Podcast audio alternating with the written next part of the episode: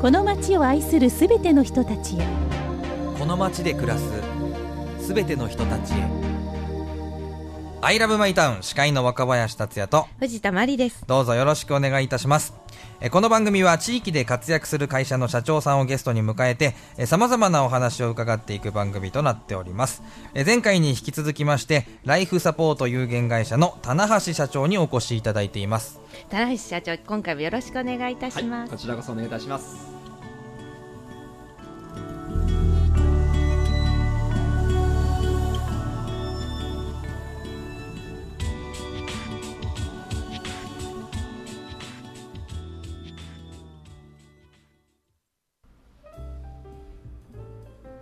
さて、アイラブマイタウン、今回は後編ということで、引き続き、えーライフサポート有限会社の棚橋社長にお越しいただいております。よろしくお願いいたします。お願いします。お願いします。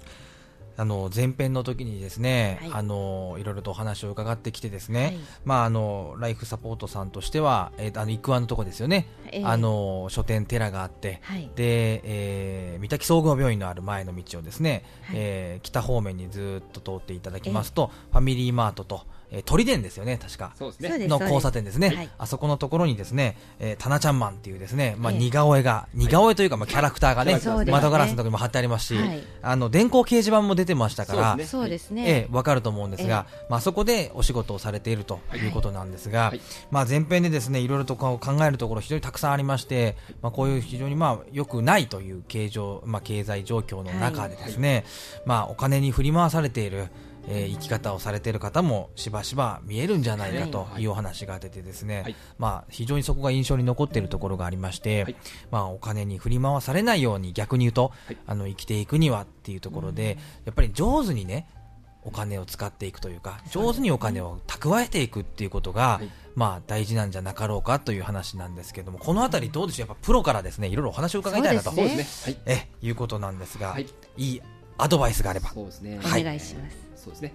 あのーまあ、こういう時期だからこそなんですけれどもね、やはりお金にはね、しお金に対する管理っていうのをね、やっぱりしっかりしていただきたいなはいと思いますね。じゃあ、どうやって管理すればいいのかっていうことなんですけれども、ねはい私がよく言うお話ししてるのはですね、はいお金に色をつけてください。お金に色をつける。そうですね、はい。あの決してお札に塗り絵しちゃだめです、犯罪になりますんでね、塗り絵するわけではなくて、はい。あのお金っていうのはですね、基本的には使うお金、はい。それとうん。貯めるお金と残すお金、3つに分ける必要があると思うんですね。はい3つの色分けをしてくださいというお話をします、まず使うお金、これは当然分かりますよね、生活に必要なお金ですね、毎毎月の食費であったりとか、水道光熱費であったりとか、うん。ガソリン代、交通費であったりとかね、であの使うお金ですね、はい。で貯めるお金っていうのは将来に向か向けてのお金ですね、で、えーもう一つ何でしたっけ？残残す。残すお金、はい。それはですねあのいわゆる緊急予備資金ですね、うんはい、もし万一のことがあったときに、えー使うことができるお金ですね、まあ、絶対手をつけないお金ですね、うん。これ3つに分けるということが大事かなと思いますね。あのー使うっていうところでは、ええ。その本当にまあまあ普段飯食ったりしますしね。ね。あのガソリン代とかもそうですね。ローンなんかもそうなんですか？そうですね、まあ、ローンもですね、まあ、できれば極力使わないようにうん。っていうのがやはり、まあ、堅実なというか、まあ、考え方なのかなとは思いますね。まあ、ねそういう私もね、まあ、ローン使うこともありますし、えークレジットカード持ってますからね、はい。使うこともあるんですけれども、そこは計画的に、うん。どっかでね、コマーシャルみたいですけれども、はいはいはいはい。ね、あのそうですね。思いますね。あのよくまあ相談ごとにもしかしたらあるのかもしれないんですが、は例えば、えー一、えー相談者、はい、私、はい相談者としてっていうことでですね、はい。あのよくあるケースかもしれないもんですから逆にあの僕が一度代表となると、長いですよね。はい、どうぞ。はい、あの妻子がいるわけです、はい。子供1歳半です、はいうん。えー奥さんいますと。はい。ええで、えっと、まあ、1歳半ですから3歳ぐらいになったらですね、はい。当然幼稚園とか行くわけですよね。ですね。で全然わからないんですが、まあまあ幼稚園とか行くとですね、結構お金かかるよって言うんですよ。はい。聞くんですね、ええバス代は別やでとか、なるほど。ね。そうそう月4、5万かかるでとか言われるんですね。はいはい4、5万ってね、すごいんですよ。はいはいっていう人たちはみんな出会ってやってんのかなって逆に思っちゃうわけです。思いますよね。うんえ、4、5万かかります。周りにできて僕にできやんことはないとは思うんですが、ええただ皆さん出会ってやってんのって思っちゃうわけですよ、やっぱり。はいそうですねはい。ですね。あのーまあそうですね、まあ本当に狭いところ質問ありがとうございます。本当にねあの幼稚園の費用なんかは確かにそうですね、私立にするのか、公立にするのか、はいこれを違いますね。で、今、若林さんがおっしゃられたのは、私立の幼稚園。はいはい私立の幼稚園ですと、バスでお迎えに来ていただいて、うんえー預かっていただきます。公立の場合ですと、送り迎えしないといけないんですね。ああ、そうですね。はい、でそこが考え方なんですよね。で確かにその毎月毎月バス代も含めて4万5万っていうお金が必要になるんですけれども、えー結構私立のお幼稚園の場合ですと、まあ、保育園ほどではないんですが預かっていくれいただける時間が長いわけですからすね。奥様も働けれるということですね。うん。でですのでお金で時間を買うのかえー公立の場合ですと、えー送り迎えをして、えー子供さんを送り届けてであるいは迎えに行って、えー預かってくれる時間も短いんですようん。ねだからお金を使わずに、えーそのの分、えー自分が子供と触れ合う時間を長く取るのかっていったようなところなんですね。そこはもうこの考え方の違いであると思うんですけどね、は。はい。そうなんですよ。えで、どんどんどんどん子供がね、年を重ねていくとお金かかるんですよ。ー。そうですね。小学校行って、ええ。中学校、塾とか行くわけですよ。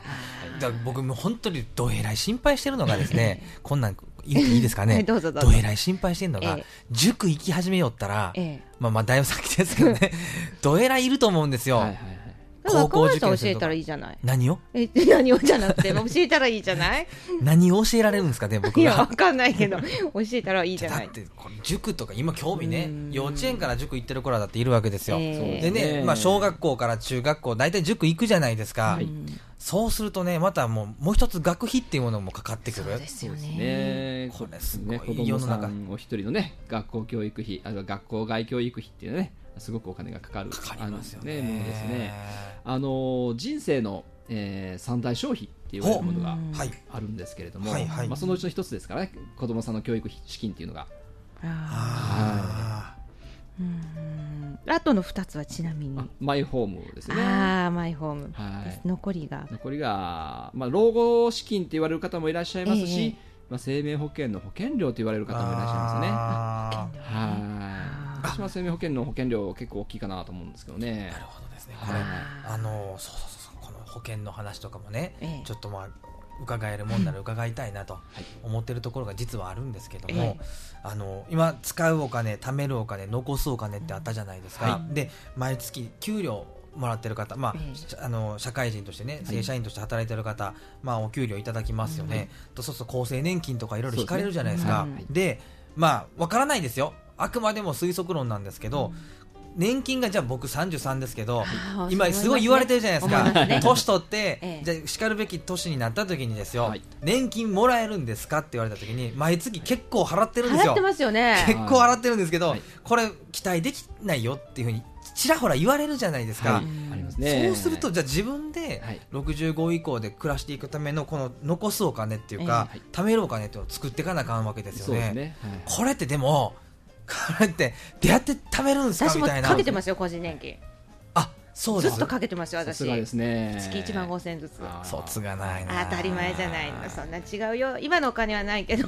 60以降のお金はあるみたいなえ皆さんどうされてるんですそうですね、かねそこはですね、お金の色分けをしていただいて、うんはいあの現実に将来どういう暮らしをしたいかですね、あのーよくねこういうご相談も受けるんですよ将来いくらあったら大丈夫ですか？思いますね。っていう質問もあるんですね。めっちゃもう心配ですね。ね気になりますね。だからその例えば60歳あるいは65歳の時に老後を迎えた時に、うん。いくらあれば安心できますか？っていう質問も受けるんですけれどもそれは私には分からないんですね。その方が60歳以降あるいは65歳以降にどういう暮らしをしたいのかによってももう当然違いますし今の生活スタイルがどうなのか当然その時点になってガラッとね生活スタイル変えることって無理じゃないですか。うん。なのでそれはあなたが決めることですよ。私が決めることではありませんのでうん。分かりませんっていう答えしかできないんですよ。うん。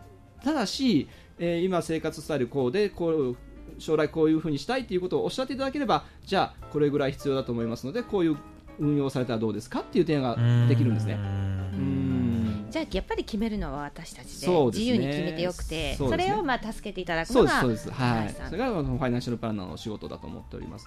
であのじゃあしからばですね、あの今じゃあ貯金はされていらっしゃるんですか？ってお聞きすると、まあ、してますと。じゃあそれは将来の、えー何のためにしていらっしゃるんですか？っていうご質問をおしていきますと不安だからですと。うん。じゃあいくらあれば安心できますかっていう質問をすると分かりませんっていうことなんですね。うん。だからそこがあの先ほど言いましたように将来どういう生活をしたいかどういう暮らしをしたいかっていうのを明確にできればいくらあれば安心だっていうことが分かってくるわけですよね。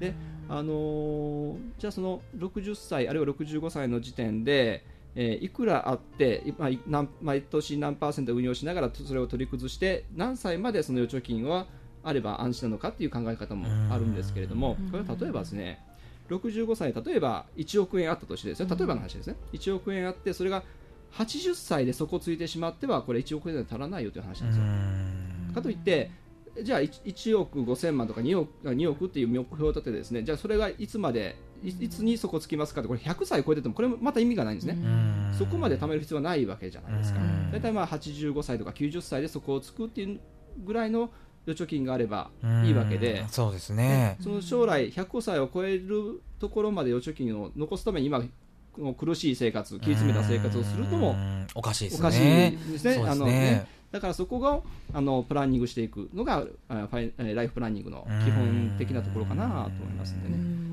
やはり私が一番初めにえー申し上げるのは夢を持ってくださいっていうお話をさせてもらってます。えー将来どうなりたいのか夢を持ってください。それに向かって一緒に考えましょうっていう形でさせていただいております。うんはもう今回ねこれ私お話しするまい。で、はい貯金ってね不安なんですよね。そそれが理由だったんですよ。で、えーまあ、貯金がないと不安って言われる方口を揃えても同じこと言われるんですけれども、ええ。じゃあある程度こう500万とか600万とかちょっと余裕ができてきた頃に旅行行きたくなりませんかってお聞きするとななりますよねってやっぱりお答えしますね、じゃあ旅行行きましょうよ。じゃあ海外旅行まあ1週間ぐらいなら行けますよね、ご500万もあればまだ残りますからねっていうお話でじゃあ行ってきました。行って帰ってきました。その後貯金減ってますけど不安になりませんか？とお聞きするとやっぱ不安ですって言われるんですよね、うん。そこがあのお金の色分けがされてないなんですよね。からなのかなっていうふうに思いますね。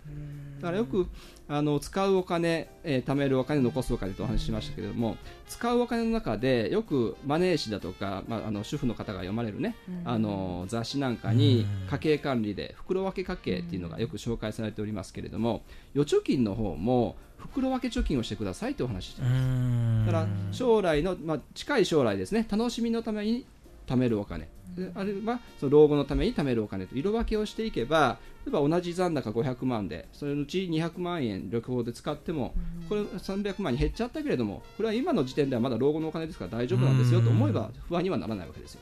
だからその何かにつけてそのお金っていうのは色分けが必要なのかなってやっぱり思いますよね。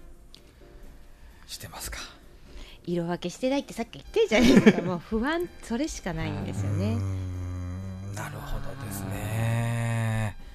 いややっぱりあのそうですよね、はい。なんか使途不明金が多いんですよ。ですね。そうですね。ぶっちゃけた話なんですけども、実際そうじゃないです。誰でもそうかなって思っちゃったりする時あるんですけど、え結局例えばまあ1ヶ月じゃあ僕がお小遣いがいくらありましたって、はい。例えばまあじゃあありますよね、3万円もらいましたって。ええ。でこの3万円をあの次のお小遣いをもらった時に何に使ったんかって言われたら覚えてないっていうね使途不明金の3万円なんですよ。いつもそうなんですけど。あの700円ぐらいはねたまにおごってもらってるんですよ。ああそうですか。若林さん細かい金額がよくわかりましたね700円ぐらいねおごってもらってるんですそれよ。は麺ですかあと麺です。うどんです。いやでもねあの本当にリスナーの方もそうですけどやっぱり参考にしていただきたいですよね,、はい。結構重要なことやと思うんですよね。そうですね。そうですね。うん。お給料がどんどんねご主人が増えていくとかあの自分自身のお給料がどんどん増えていくとかって言うんならね、まだしもですけども絶対そんなことなさそうじゃないですか。ないですね。今よっぽどじゃないと無理なので,、そうですね。もらってるもそもそももらってる金額が少ない人はどうすればいいんですか？あのーやはりももともとそのみあの振り返ってですね、ええ。そのまあ、見つめ直すっていうんですかね、ええ。ええ。あのやっぱり無駄遣いはなかったのかっていうところをまずチェックをしていただくところから始まるのかなと思いますけどね。うん。少なければためようもないかなと思うんですけど、あのーこれねよくあのテレビのコマーシャルどこのコマーシャルだったかな忘れましたけれども、えお給料の、えー、8割で生活をしなさいって言われると、えーそんなの無理。だけどじゃあ2割を貯めることを考えたらどうですかって言われると、それはやってやってみましょうっうん。ていうコマーシャルがあるんですよね、えー。どこでしたっけ？全然覚えてないですよね私も。数字のマジックですか？ねそうかもしれない。ねね。うん。いただいたうちの8割で生活するのは苦しいけど2割はせ貯金することはできなくもないかなっていうやっぱりうん数字のマジック感じ方ですのでね。そういったところからね始めてられたらどうかなと思いますけそうでどね。すね いや本当そうですよ。はい